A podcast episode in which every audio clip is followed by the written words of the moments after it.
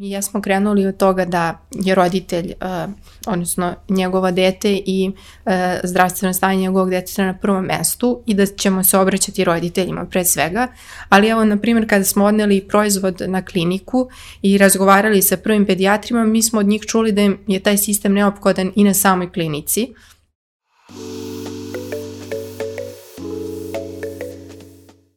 Poštovani slušalci i gledaoci, dobrodošli u još jednu epizodu Office Talks specijala u okviru kojeg razgovaramo o inovativnim i kreativnim potencijalima Srbije. A, ukoliko želite više da čujete o ovoj temi, ali i o tome a, šta se prehodi kreiranju a, prvog srpskog superklastera, platite se na naš YouTube kanal i a, upalite zvonce kako biste dobili obaveštenje o novim a, epizodama. A, Office Talks specijal možete pratiti i putem audio platformi, linkovi su u opisu ispod ovog videa ili u opisu audio fajla. A, Office Talks specijal podržao je projekat Srbija Inovira. A moji današnji gosti su Tamara Papić, osnivač startupa Baby FM i Vladimir Pavlović, direktor kompanije VM ili WM Equity Partners. Dobro nam došli. Bolje vas našli. Bolje vas našli. Evo Tamara, za početak, a, i sad moram ovde da, da kažem negde na, na ličnoj možda osnovi, ono, dosta sam čuo o Baby FM-u, ali mi negde je fascinantno da, da evo prvi put danas ovaj, na netokraciji zapravo govorimo o tebi, o tom startupu, o tvojim osnivačima, pa hajde negde za početak da nam zapravo predstaviš šta je Baby FM, kada je nastao vaš startup i koji negde problem zapravo rešavate. Da, hvala na pozivu i um, raduje me i, i nas sve iz tima kad nam ljudi kažu da, da su negde već čuli nešto vezano za, za Baby FM, možda zato što je sam naziv interesantan, neki način podsjeća na radio stanicu, ali zapravo je skraćenica od Fever Monitoring, odnosno uh, mi smo uh, se okupili oko ideje da pomognemo roditeljima, pre svega naš soosnivač Ivan Soldatović je lekar i otac dvoje dece i sa svojom suprugom je imao, da kažem, dosta situacija gde su njihova deca imala visoke temperature i tu se suočili sa sa problemom da ne mogu da isprate, posebno kada je dvoje dece u pitanju, kada su izmerili temperaturu, na koliko minuta treba da se probude da temperaturu izmere, kada treba da daju koji lek, kakav je efekat kog leka, kom detetu je dao i u tim situacijama danas jako često dolazi do grešaka i mi jesmo krenuli od tog ličnog problema, da kažem, jednog od našeg osnivača, ali smo videli jako brzo da je taj problem prisutan i globalno i kada smo pogledali istraživanje videli smo i da u, na primjer, samo u Americi na nekih 8 ili 6 minuta se a, e, dešavaju a, e, greške a, e, roditelja kod kuće u davanju a, lekova a, svoje deci a, i doziranju ali i premor narednog dana kada, kada deca imaju tokom noći temperaturu. Tako da mi smo osmislili jedan sistem, odnosno senzorsko merenje temperature kod beba i dece u kontinuitetu.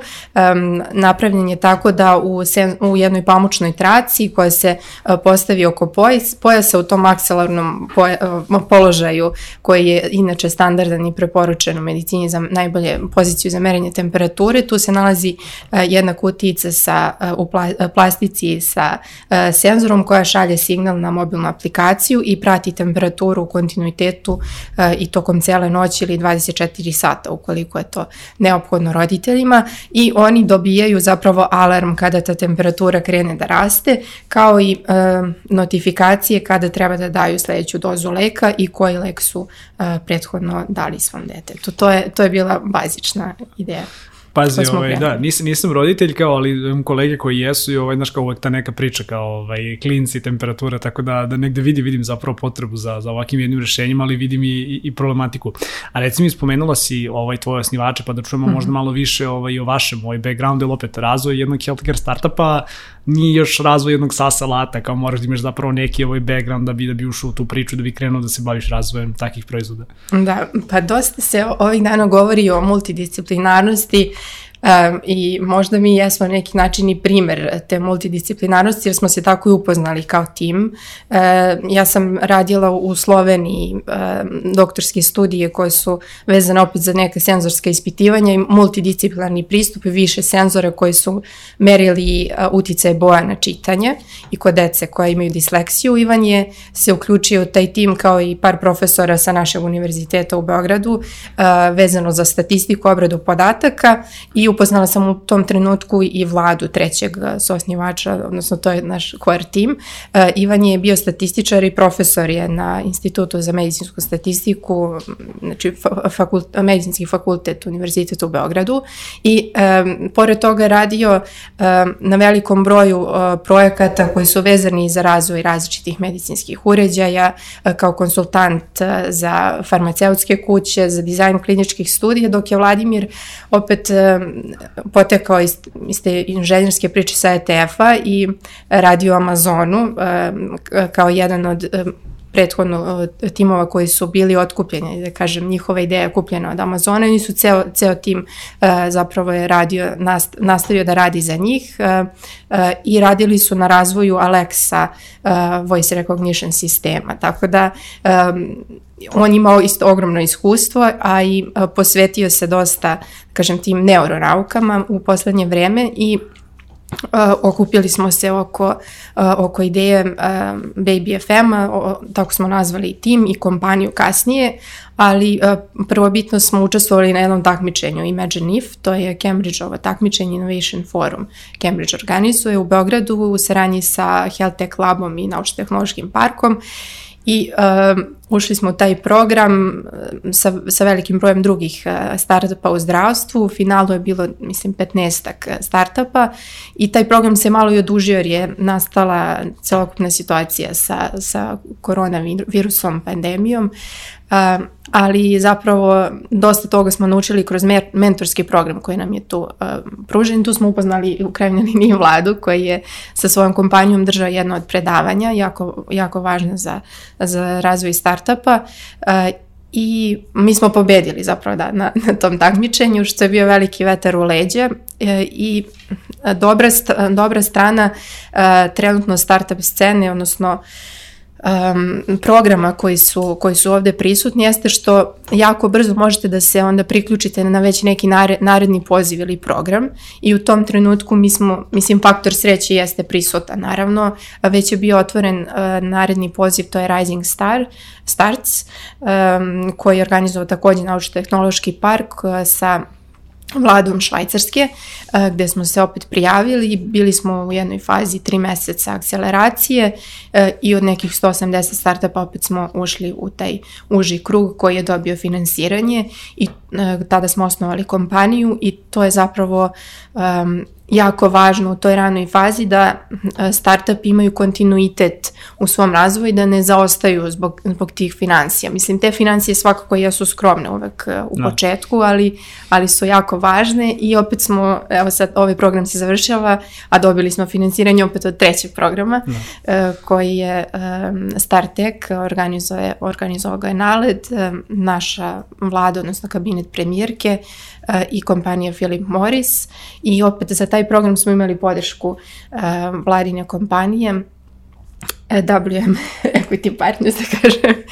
E, tako da za pripremu finansijskih planova i e, uopšte e, našeg nekog biznis plana, tako da ta vrsta podrške nam je jako značila. Da. i, i mentorstva. E, strava, a reci mi, a, sad pošto zapravo vi ste krenuli da razvijete proizvod u doba korone, a, koji je bio jedan potpuno nenormalan period, pogotovo za, za ovaj health tech industriju.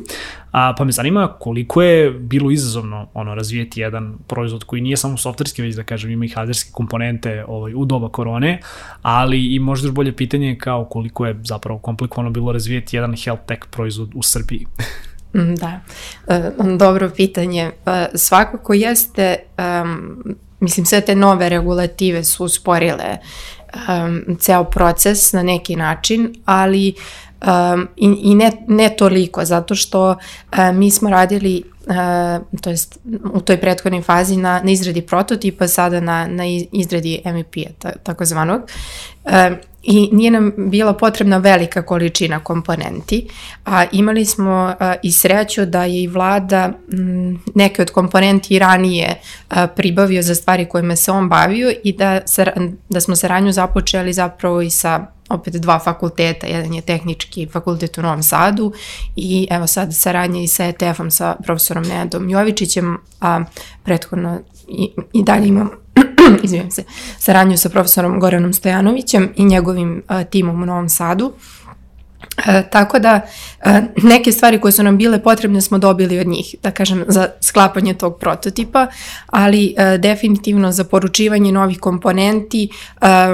već su sad svi u, u tom strahu da moraju da ostave neki e, backup ili period, da li će nešto stići na vreme ili neće stići, e, koliko će se nešto da, čekati. Globalni, ono, E, globalni supply chain je sada ovih dana Tako baš, da. ako zeznuta stvari. Tako da mm. sa te strane postoji pritisak i postoji rizik, um, ali um, dru, druga strana opet se do, ljudi, ljudi su naučili da rade online, tako da i brzo su se adaptirali na to. Tako da svako uradi svoj deo posla bez obzira gde se nalazi i opet nekako ovaj, dostavi se jedna druga treća stvar od jednog do drugog, do druga treća osobe i tima. Iz Novog Sada nam stignu uh, poštom, brzom, uh, pošto uh, oni su zaduženi i za jedan deo koji je zapravo inovacije sa srebrnim nitima koje smo uveli, um, koje su zapravo u tkanini i koje na većoj površini mogu da prikupe temperaturu i u dodiru su sa senzorom, tako da ta taj mikrosenzor nema dodir sa kožom zapravo, nego samo sa srebrom, a srebro ima i antialergijsko dejstvo i ono je u dodiru sa kožom. Tako da um, oni nam pošalju to što je potrebno i onda se proizvod testira pa ima svoje cikluse, tako da uh, sad mogu kažem da sam zado, zadovoljna ne, zaista, kako zaista, se to da, odvija. Da, zaista je cool čuti da niste imali tih problema, a sad ono morate pitam i kao, ovaj, pošto nijedna predsednička priča nije bez, bez nekih one začkoljica i, i zavrzlama, da li je bilo nekih ovaj problema, nekih izazova pri, pri razvoju ovaj, samog proizvoda? Da, jedan od izazova sigurno, uh, mi smo i, i krenuli tim putem da uh, naš proizvod, osim toga što um, ima to stabilnost i preciznost u odnosu na ostale uh, konkurentske proizvode, prođe i klinička testiranja,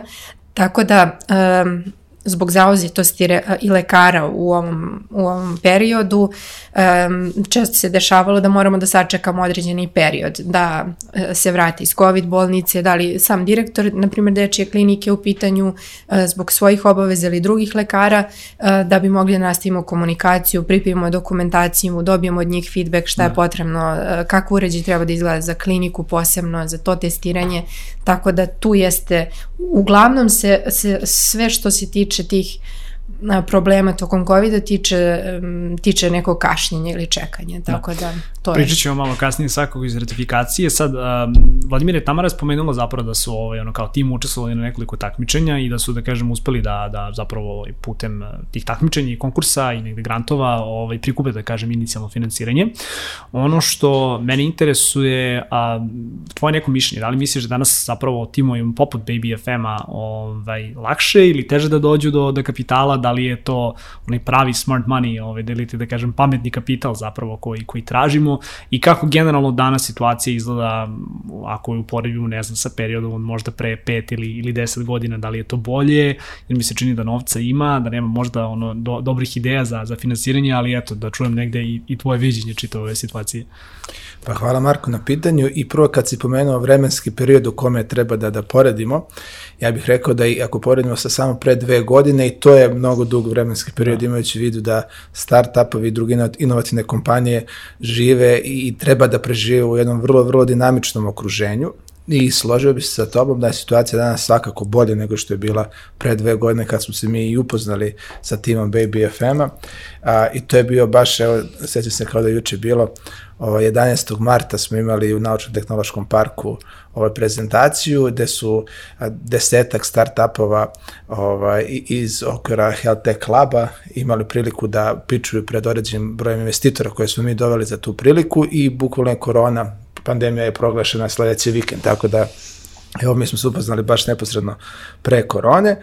i od, da, od tada do danas zaista pre svega na a, ovom delu pre-seed finansiranja u smislu grantova, situacija je značajno bolja i pre svega treba tu istaći ulogu Inovacijnog fonda Republike Srbije koji zaista iz godinu u godinu a, ima a, svoje a, pozive za grantove. Da, već dugi niz godina. Jeste, da. jeste, ali da kažem u poslednjih par godina oni su da kažem i više ih je u toku godina, godine i veći broj startupova podržavaju, što je tako, takođe da kažem jako važno I a, ajde da se zadržimo kod, kod inovacijnog fonda, ono što je još važnije jeste da sada imamo i jedan novi kvalitet u, u toj grant šemi, odnosno kroz katapult akcelerator imat ćemo a, udruživanje i da kažem javnog novca, odnosno novca od strane države i privatnih investitora. To je ono da kažem što je jedan novi kvalitet. A sa druge strane, važno je staći da nije jedini inovacijni fond taj koji ima grant šeme, Tamara je već istakla i Raising Starts i, i Start Tech, tako da stvarno hrabro je da startupovi imaju a, različite, a, različite mesta na koje mogu da se obrate da bi dobili taj inicijalan novac, da bi nekako malo sistematizovali svoje misle, bi svoju ideju pretočili u nešto što je MVP i nakon toga da mogu da nastave da pričaju sa investitorima. U smislu, opet da kažem, kvaliteta na našoj startup sceni istakao bih da je jako važna pojava finansiranja od strane mreže poslovnih anđela i a, evo da kažem, naš projekat Srbije Novira zajedno sa inicijativom Digitalna Srbija ima priliku da podrži prvu takvu transakciju u Srbiji, da je Startup Tapni dobio prvo, da kažem, prvo finansiranje kroz, od, naše strane naših domaćih poslovnih anđela. I a, kada, da kažem, startupovi dobiju to finansiranje i imaju, isku, imaju mogućnost da svoje iskustvo, a ja bih rekao, testiraju i provere sa nekim drugim ja bih rekao, uspešnim ljudima koji su odlučili deo svo, svojih sredstava a, investiraju u, u određeni startup, onda su spremni da idu i u sledeće faze finansiranja. I pre nego što bih došao do sledeće faze finansiranja i, i VC fondova, istakao bih da ja mislim da je to jedan kritičan trenutak gde start-upovi treba da nađu i prvog svog poslovnog partnera, odnosno da realizuju prvu prodaju. Jer, Prve korisnike zapravo, da. Tako je, tako je. I ne samo korisnike, korisnike svakako, jer je dragoceno povratna informacija o proizvodu i kako ga naprediti, ali ja bih rekao da je pravi trenutak pre, neko, neko, pre nego što neki startup dođe da piče ispred VC fonda, da ima bar prodati jedan svoj proizvod. Jer a, suštinska razlika jeste među startupa koji je prodao jedan proizvod i onaj koji nije prodao ni jedan proizvod.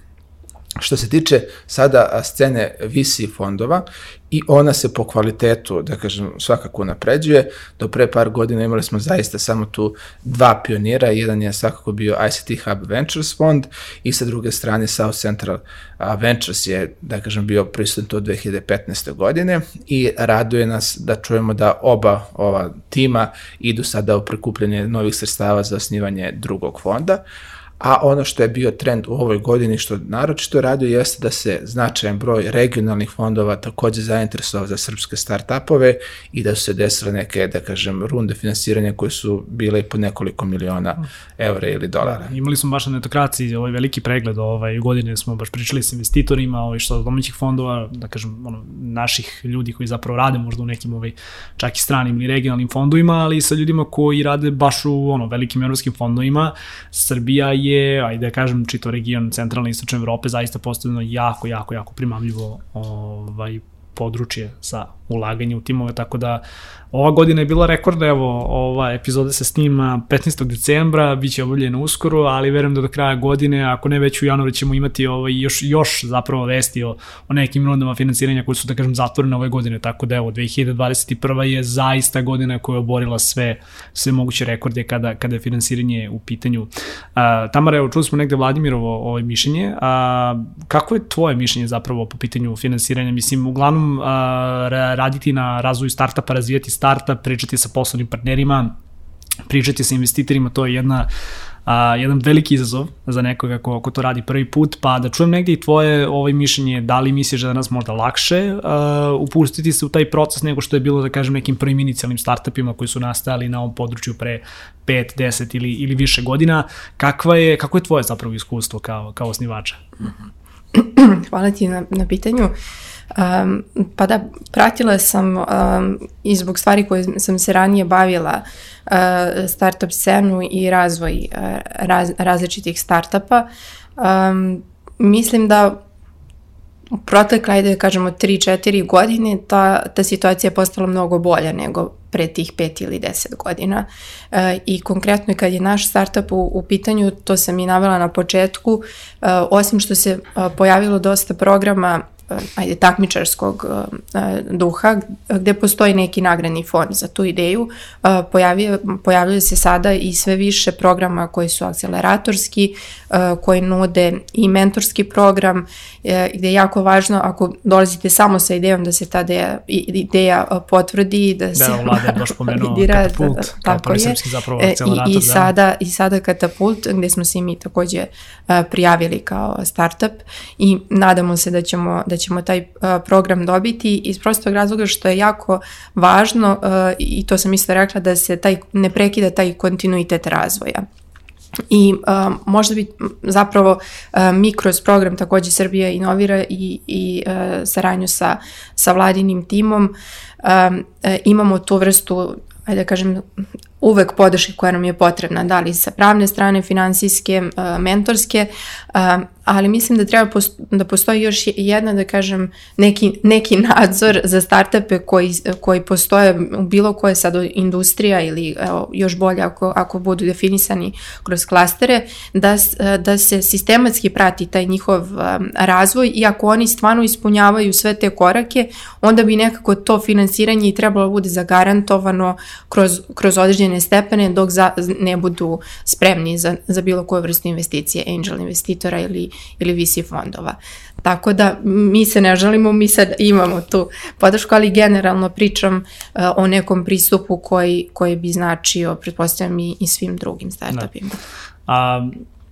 navelo me na razmišljanje ovo što si malo čas rekla, jer kao, pa 10 godina evo, već radim u netokraciji i, znaš, kao ne mogu da nabrojim kao koji su to startupi, ovaj, kao, koja je to jedna ono nit startupa po kojima se Srbija definiše kao s jedne strane imamo neke sektore koji su jaki poput blockchaina, poput gaminga, da. ali ako baš govorimo o tim industrijama gde zapravo naši startupi nastupaju, to je jako teško, teško negde klasifikovati i zato zapravo taj čitav ovaj uh, čitav pojam superklastera ima smisla, ali dobro, pričat ćemo o tome malo kasnije. Um, Vlado, uh,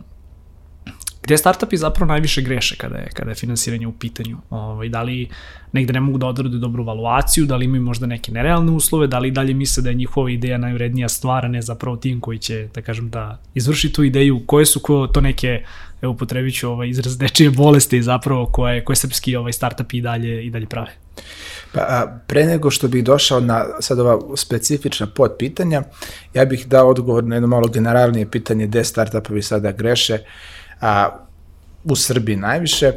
a, imate situaciju da u poslednje dve godine zaista se startup scena u Srbiji poprilično ubrzala i imamo i mnogo više uspešnih startupova i mnogo više rundi finansiranja i danas je situacija takva da gotovo svi osnivači startupove od svoje prve runde finansiranja su milioneri, Naravno, ako njihov startup preživi i da kažem uspeju da naprave neki exit već možda u drugoj, trećoj rundi. Tako da a, od prve runde finansiranja a, zaista oni koji ih finansiraju često imaju i velika očekivanja da će taj startup u jednom razumnom roku uspeti da dođe do proizvoda koji će početi da se prodaje nekim kupcima.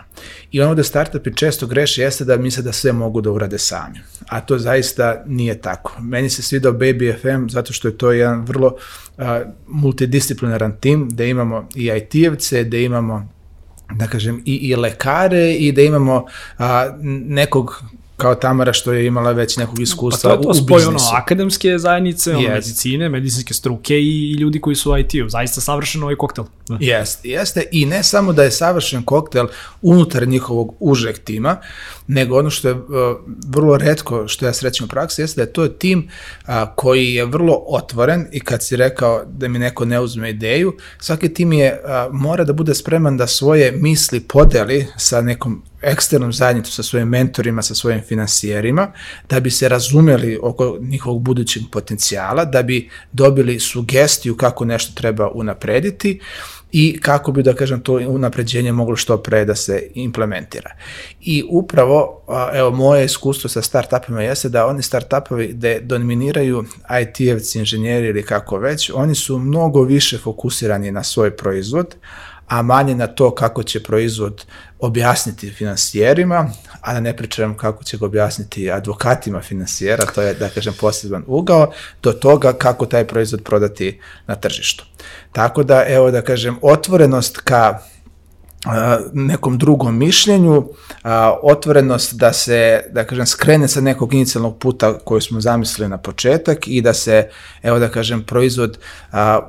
unapređuje iz gotovo nedelje u nedelju je nešto na što startupi moraju da budu spremni, a tu je BBFM zaista pokazao da od neka inicijalne ideje, evo koja je sad, ovo je neka treća, četvrta ili peta iteracija da.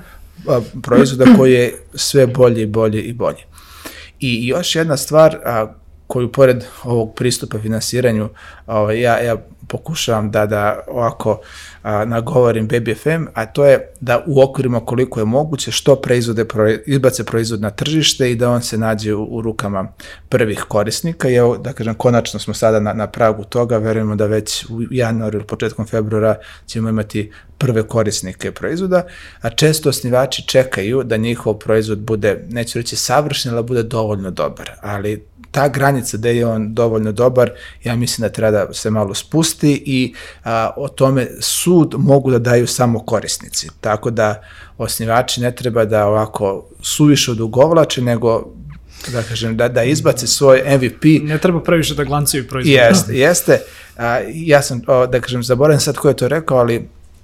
jedan uspešni snivač je rekao treba izbaciti MVP u trenutku kada se gotovo sramota što ste ga nekom drugom dali na korišćenje. Tako pa da. zato što ćeš tada dobiti najbolji feedback e, korisnika okay. koje su to stvari koje treba da to promeniš. Da popraviš. Da. da I onda na tebi samo da sedneš i da, i da urediš te stvari.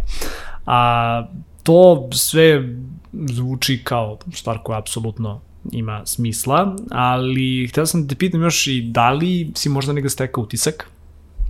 Zato već dugo godina zapravo pratimo ovaj razvoj srpske startup scene i čini mi se da tek evo u protekle dve godine, baš kako je negde došla ovaj, pandemija, ovaj, što je možda i simptomatično, da se zapravo više sa strane institucija i ljudi i organizacija koje se zapravo bave negde ono razvojem i podrškom, uh, i, i podrškom, podrškom zapravo srpske startup scene, da se više priča o tome koliko je važno da srpski startupi a, ono, potraže finansiranje, da potraže upravo tu podršku o kojoj si, o kojoj si ti pričao i kroz mentorstvo i kroz financije. Pre toga, čini mi se, ali evo ti ćeš me možda ispraviti ili ćeš se složiti sa mnom, da je to neko prevlađujuće mišljenje zapravo bilo da kompanije mogu to same da urade, da osnivači mogu sami ovaj, da negde bootstrapuju zapravo svoju ideju, da ne treba uopšte da pričaju sa investitorima, da je to samo neko gubljenje vremena i da trebaju zapravo samo da se fokusiraju na proizvod, na njegovu prodaju, bez ikakve eksterne pomoći. A, da li misliš da i dalje, to smatraš li da i dalje možda imamo timove koji bi pre da ostanu u 100% vlasništvu svog proizvoda, da nemaju nikakvu eksternu pomoć, da idu, da kažem, tim nekim nestandardnim zapravo startup putem, ili danas, evo, kraj 2021. godine, se zapravo negde promenila ta poruka koju mi kao startup zajednica šaljemo ili odašiljamo ili kako god. Pa ja mislim da je to ili da kažem lažna dilema ili pitanje šta je starije kokoška ili jaje. Pre dve godine mogli ste da želite koliko god hoćete da dobijete neko ozbiljnije finansiranje ili da kažem grantovi su bili ograničeni i opet što se tiče VC fondova u Srbiji ste imali kao što sam pomenuo samo 20 Hub Ventures, South Central Ventures i kad završite dva sastanka sa njima, a, tada su investitori bili poprilično obazrivi prema Srbiji kao, kao investicijom destinaciji i tada se zaista možda samo jednostavno nije isplatilo da start-upovi troše suviše vremena energije da dođu do eksternog finansiranja. Danas kada su, da kažem, i, i grantovi s jedne strane i investicije od strane poslovnih anđela i lokalni i regionalni visi fondovi tu, danas vam onda treba mnogo manje vremena i energije da utrošite, da pričate sa njima i veće su šanse da ćete dobiti finansiranje. Tako da, a, imajući u vidu da svaki startup a, se ne takmiči samo sa, sam sa sobom, već je, da kažem, globalna konkurencija tako a, velika i jaka, a tu nisu bitne nedelje i meseci, tu je možda svaki dan bitan, a, kako doći do prvog korisnika u svom okruženju ili u svojoj zemlji, kako doći do prvih multinacionalnih korporacija koja mogu biti partner za neku globalnu ekspanziju, jer a, kada dođe prvi startup i, i dobije ugovor s nekom multinacionalnom kompa kompanijom, onda možda nema prostora za drugog. A da bi vreme do kada vi možete izbaciti dovoljno dobar proizvod se skratilo, onda zaista vam je potrebno finansiranje. I evo ja zaista pratim BBFN dve godine i znam koliko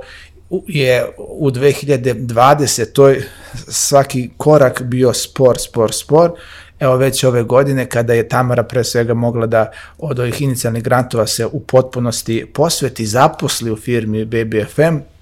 koliko su se stvari sve ubrzale. Tako da, evo, ja mislim da je to zaista lažna dilema. Ako, ako startup timovi mogu da dobiju neko eksterno finansiranje, to svakako treba da urade, jer a, oni će kroz jednu, drugu, treću ili četvrtu i petu rundu finansiranja, na kraju opet ostati možda većinski ili oko 50% vlasnici svog startupa, a startup koji vredi par desetina miliona i vi ste samo 50% vlasnik, to vam je opet mnogo bolja situacija nego da ste 100% vlasnik nečega što niti ne generiše prihode i što će silom prilika u nekom roku izumreti. Da.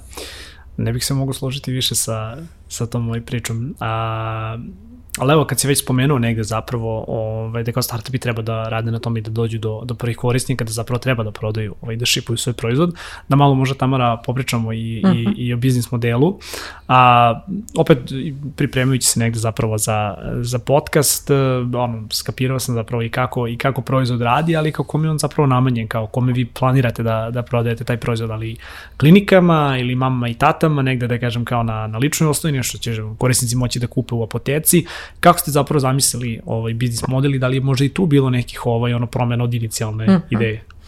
Pa svakako da je bilo, da, kao što je Vlada pomenuo malo pre, E, I što se tiče samog proizvoda, bilo je uh, dosta izmena, na, naravno na, na bolje, jer kada uh, vidite neka rešenja koja će dosta toga da unaprede i opet da se razlikujete dosta od konkurencije i da budete unikatni, naravno da ćete to prihvatiti. To jeste opet rizik vremenski zato što produžavate taj period do nekle razvoja, ponovo i testiranja samog proizvoda, ali kada znate šta je ono što vas čeka ispred i, i ovi koji je vaš cilj, onda to ovaj, nije toliko strašno i, i kada možete da obrazložite u krajnjoj liniji onim, i onim ljudima koji vas neki način finansiraju i kada vide da će iz toga izaći mnogo bolje rešenje, to je onda uh, odlična stvar. Što se tiče biznis modela, isto tako, um, kad si pomenuo otvorenost, um, dešava se možda i uh, mi zaista uh, nastupamo otvoreno i, i želimo da, da čujemo uh, mišljenje, a o, u ovom programu smo stvarno sarađivali sa brojnim još mentorima i iz inostranstva Su ljudi generalno otvoreni, mislim, ono, kada, kada im priđeš, pošalješ neki e-mail ili pozoveš telefonom, su spremni jesu, da Jesu, pomogu? i, i, i posebno kada se javljaju uh, ti mentori, um, ajde da kažem, iz uh, takozvanog sa, sa zapada, iz Britanije, Nemačke, Francuske, Španije, a, možda zato što su oni već dug period u, u takvoj vrsti sistema i rada sa startupima a, i onda nam je drago što su, uvek su spremni da izdvoje svoje vreme, zna se koliko je vremena uvek ima malo. A, tako da a, to, to ovaj, jako nam znači, ali isto tako smo dobili jedan savet da čujemo sva, svako mišljenje uvažimo, ali opet da, da vidimo šta je ono što je zapravo naš put i šta je ono što nama, da kažem, igra u ovom trenutku. I dobra stvar uh, pokretati startup iz Srbije, osim što jeste um, malo tržište i svi se znaju što je to zapravo jedan testni ekosistem gde možete sve procese da ispitate, da dobijete feedback i da prodate proizvod, da vidite kako šta funkcioniše i da sve te informacije koje imate na jednom mestu onda pokažete investitorima uh, ili nekim drugim opet fondovima uh, i to je, to je dobra strana. I što se tiče samog našeg proizvoda, mi smo gledali uh, zapravo koje su sve potrebe. Mi jesmo krenuli od toga da je roditelj, odnosno njegova dete i zdravstveno stanje njegovog deteta na prvom mestu i da ćemo se obraćati roditeljima pre svega, ali evo, na primjer, kada smo odneli proizvod na kliniku i razgovarali sa prvim pedijatrima, mi smo od njih čuli da je taj sistem neophodan i na samoj klinici, što je takođe još jedna niša za, za razvoj i za primjenu našeg sistema. Da, i otvara opet ono B2B prodaju Tako kao, je. kao jednu jako bitnu ovaj, stavku. Ali smo isto vreme videli da a, roditelji su dosta upućeni naravno u tom procesu na pedijatre i da im je njihov odgovor jako važan u tom trenutku i da proizvod zapravo može da bude u, u ovoj prvoj fazi upravo prodat, preporučen, da tako kažem, od strane samih pedijatara. I u ovoj situaciji ako imamo jednu privatnu kliniku sa određenim brojem pedijatara, klinika može da otkupi određeni broj uređaja, da ga pokloni svojim pacijentima, ali da tu cenu otplati kroz video konsultacije i konsultacije za, za samu temperaturu, zato što uređaj zapravo omogućava da se eksportuje izvašte o temperaturi u poslednjih sat vremena 24 sata i na njemu se vidi efekat leka, zato što vreme kada je unet neki lek i kako se temperatura kretala od te tačke nadalje se takođe vidi na tom grafikonu. I to je jako važno i za, za diagnostiku, naravno pregled mora se završiti na klinici sam, ali za neka urgentna stanja i očitavanje uopšte koja je vrsta infekcije u pitanju, da li je bakterijska, virusna, to bi le, ovaj Ivan bolje objasnio kao lekar, se takođe vidi iz tog, temper, iz tog grafikona temperature. Tako da smo dobili povratnu informaciju od privatne klinike sa kojom su sad razgovarali uh, Chibaden Bell, Bell Medic, da im je proizvod jako interesantan, da su spremni oni da ga testiraju u, u tom, da kažem, u tom prvom nekom um, da kažem, kliničkom smislu uh, i da razgovaramo dalje za komercijalizaciju, a potom da proizvod bude dostupan i roditeljima kroz apoteke ili kroz web shop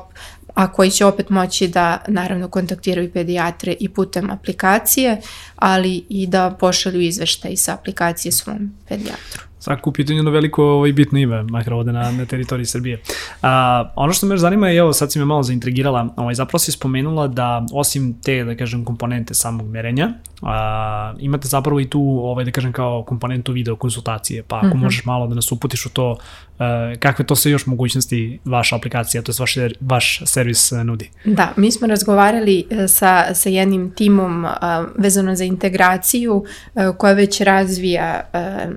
taj deo koji je vezan za telemedicinu, tako da nije nužno da mi razvijamo ceo taj sistem, um, ali postoji, postoji još, još jedna kompanija koja je takođe razvila dodatne servise uz video, poziv i chat, uh, tako da um, ono što će biti dostupno kroz tu integraciju jeste da roditelj može da zakaže uh,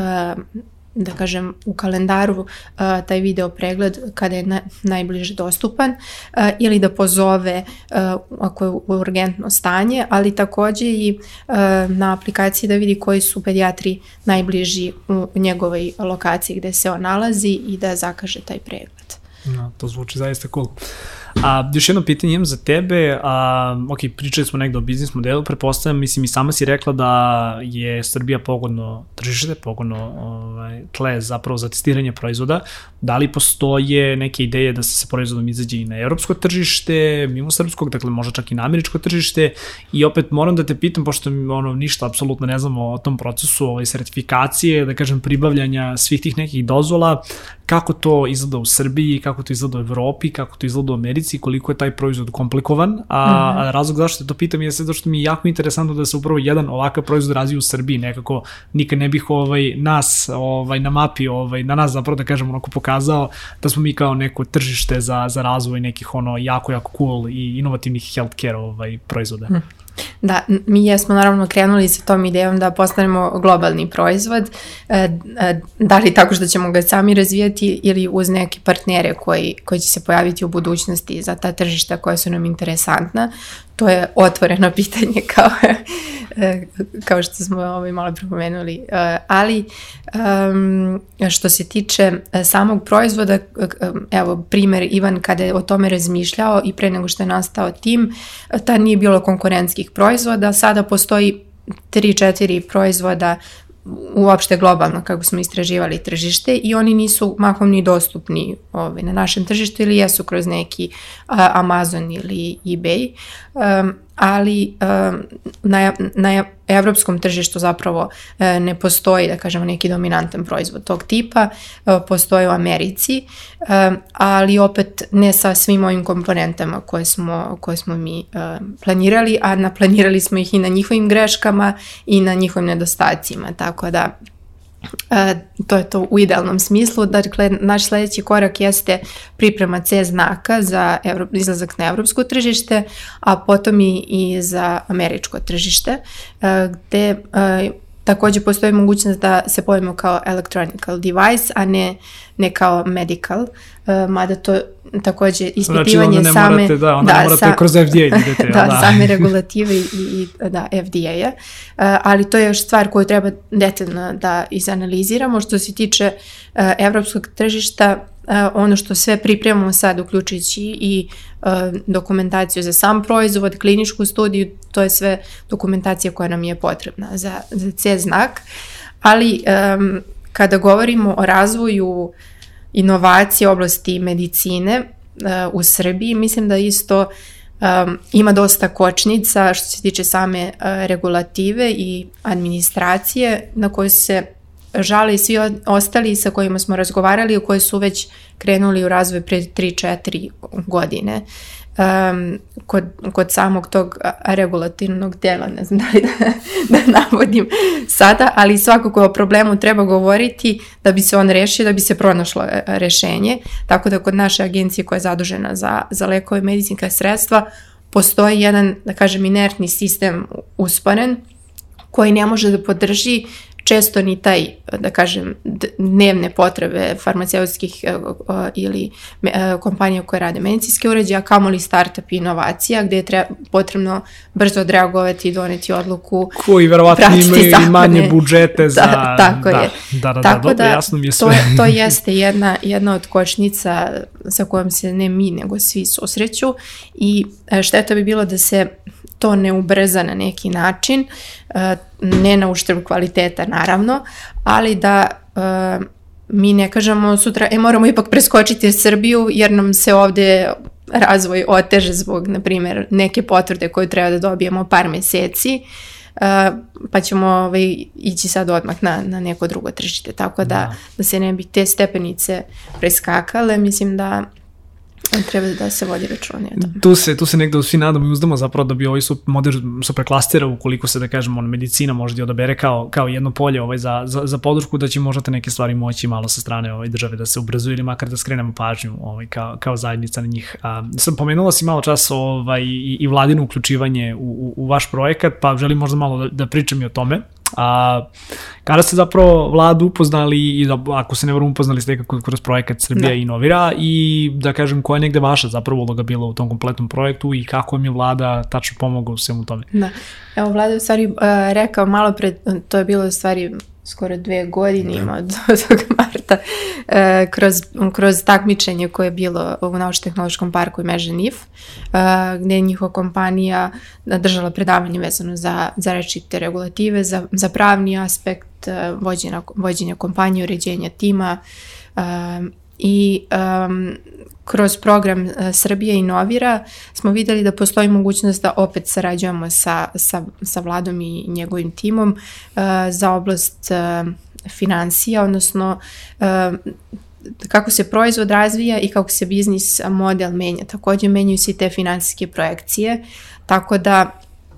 ta analiza i planiranje nam je jako bilo važno, a mi nismo imali tu vrstu kompetencije E, tako da njegov tim nam je jako pomogao u tome i na osnovu mogu da kažem slobodno te podrške smo sigurno i dobili rezultate na, na sledećem programu jer se sve to vrednuje kako se, kako se sve stvari postavljaju kako su uvezane od financija do samog proizvoda, izlaska na tržište i sledeći korak. Hvala. E sad, Lado, zanima me, a, BBF film je zaista jedan sjajan primer i kao drago bi da evo danas imamo priliku da ga, da ga predstavimo na netokraciji, ali šta negde opet po tvom mišljenju je potrebno zapravo da bismo imali više ovakvih, uh, slobodno da kažem, uspešnih priča na početku, evo da se, da, da se onako precizno, precizno zapravo ovaj ogredim. A, uh, ovo je bio jedinstven spoj ljudi koji dolaze ono, sa fakulteta, zapravo iz akademske zajednice, ljudi koji dolaze iz te neke ono, tehnološke ili startup zajednice, opet imali su podršku tebe i tvog tima, a baš je bio da kažemo ono perfect storm, što bi, što bi se možda reklo ovaj, na, na engleskom jeziku, ali da to ne bude samo ovaj, ono, jedan milion, da to ne bude samo ovaj, ono, jedan tračak sreće koji se desio, pa kao ovo imamo jedan ovakav ono, uspešan startup. A, šta nam je zapravo potrebno da bismo imali, da kažem, više takvih startupa? Da li je to a, kreiranje upravo tih super klastera koje, da kažem, program Srbije inovira i, i, i pokušava negde ovde da kreira, pokušava zapravo da spozna koje su to, da kažem, ovaj, ono, bitne, a, bitne sekcije ili bitni sektori, da kažem, gde, gde domaći startupi mogu da se opet uvežu sa privredom i da, i da rade neke zanimljive stvari. Kako ti vidiš prosto od ovog trenutka dalji razvoj negde ono domaće srpske startup zajednice, nazovi kako god? Pa evo, ne bi zaista sada promovišem i da kažem da je USAID bio zaista jedan prorok kad je pokrenuo dva bratska ili sestrinska projekta, kako ćemo ih već zvati, i da bi Baby FM bio samo jedan od takvih uspešnih primjera, potrebne su nam dve stvari. Prva je da se više, ja bih rekao, ne samo mladih ljudi, već i ljudi sa nekim određenim poslovnim iskustvom, iskustvom u nekoj korporaciji koji su nekim 40. godina, ma odluči da napusti svoj svakodnevni posao i da osnuje svoj startup. 40. su prave godine za pokretanje startupa. jeste, jeste. I, I tom pričom ovaj, a, se bavi naš sestrinski projekat Preduzmi ideju, A ovaj, sa druge strane, projekat Srbija inovira se bavi sledećim pitanjem, a to je kada već imate ideju, kad ste već pokrenuli svoj startup, kako da se a, svi potencijali Srbije ujedine, da taj startup, da kažem, blagovremeno dobije finansiranje, da se spoji sa tradicionalnim kompanijama koje ćemo biti prvi klijenti, da uspe da proda svoje proizvode, da se identifikuju određene regulatorni možda problemi na koje je ukazala a, upravo sada Tamara, da se ti problemi reše u razumnom roku, da se neko znanje koje u akademskoj zajednici približi start-upovima i naravno kada imate sve to u sinergiji, onda uopšte nije pitanje da li će dobiti finansiranje ili ne. Onda će se prosto investitori boriti da vam ponude i da kažem što veće rudne finansiranja i da vas prate, da kažem što češće. Tako da to je mehanizam superklastera koji ćemo mi negovati u, u naredne četiri godine I zaista, evo, iskoristio bih sad i priliku da pozovem sve one koji nas slušaju da prate a, web stranicu Srbije Novira. Uskoro, već krajem decembra, planiramo prve pozive za pilot superklastera i volio bi da što veći broj ne samo startup kompanija, nego što i veći broj tradicionalnih kompanija se prosto o, o, odluči da od svog nekog ustaljenog poslovnog modela razmotri kako je to a, sarađivati sa nekim mladim timovima, sa nekim startupovima i šta to za njihovo poslovanje može učiniti, kako oni mogu da budu a, produktivni, globalno konkurentni, kako mogu napustiti samo tržište Srbije, nego mogu izvoziti onda svoj proizvod globalno. Tako da evo, Tamara je par, par puta a, pomenula, ja bih zaista da podvučem važnost u ovoj sad fazi za, za a, BBFM, što je a, Belmedic i pre svega vlasnica gospođa Jasmina odlučila, ja bih rekao, vrlo hrabro i vrlo kratkom roku da svoje dragoceno znanje iskustvo a, a, stavi na raspolaganje ovom mladom timu i da u što kraćem roku zajedno naprave proizvod koji će biti, nadamo se svi, i globalno prihvaćen. Da a, slušam te veoma pažljivo i kao sve stvari o kojima pričaš, baš onako kao da čekiramo svaku od onih kućica, ovaj, sve ovo što si pričao, što je malo čas i Tamara ovaj, pričala, ali kao upravo, a, možda malo čak i otrcana reč, ali treba nam jedna takva sinergija i treba nam možda jedan, ta, jedno takvo mesto gde se sve te, ovaj, gde se ljudi, kontakti, a, poslovne ideje da se zapravo okupljaju, ovaj, jer kao evo, gospođa ovaj, vlasnica Belmedika može danas sutra bude ovaj, on odlučila da pokrene svoj fond za investiranje u neke ono health tech startupe, mislim, mogućnosti su zaista ono nebrojane. I kao samo je pitanje opet koliko ćemo se negde ono zajedno fokusirati da ove stvari radimo ili ćemo nastaviti po ustaljenom modelu, a nadam se da nećemo nastaviti po ustaljenom modelu da i dalje imamo velike kompanije koje su već ono uspostavile i svoje procese i svoje negde znanje i svoje negde ime na tržištu, a opet nemaju taj inovativni moment, tako da definitivno definitivno da kažem negde postoji ono velika velika potreba, ovaj evo još jednom za slušaoce i gledaoce, znači javni poziv će uskoro da biti objavljen na sajtu srbijainovira.rs, link će svakako biti u opisu i ovog videa i ovog audio fajla, tako da svako ko nas sluša ili gleda će moći malo više da se ovaj, informiše o programu. Tamara, Vladimire, hvala vam puno što ste bili moji današnji gosti, zaista je bilo ovaj, zadovoljstvo ugostiti vas.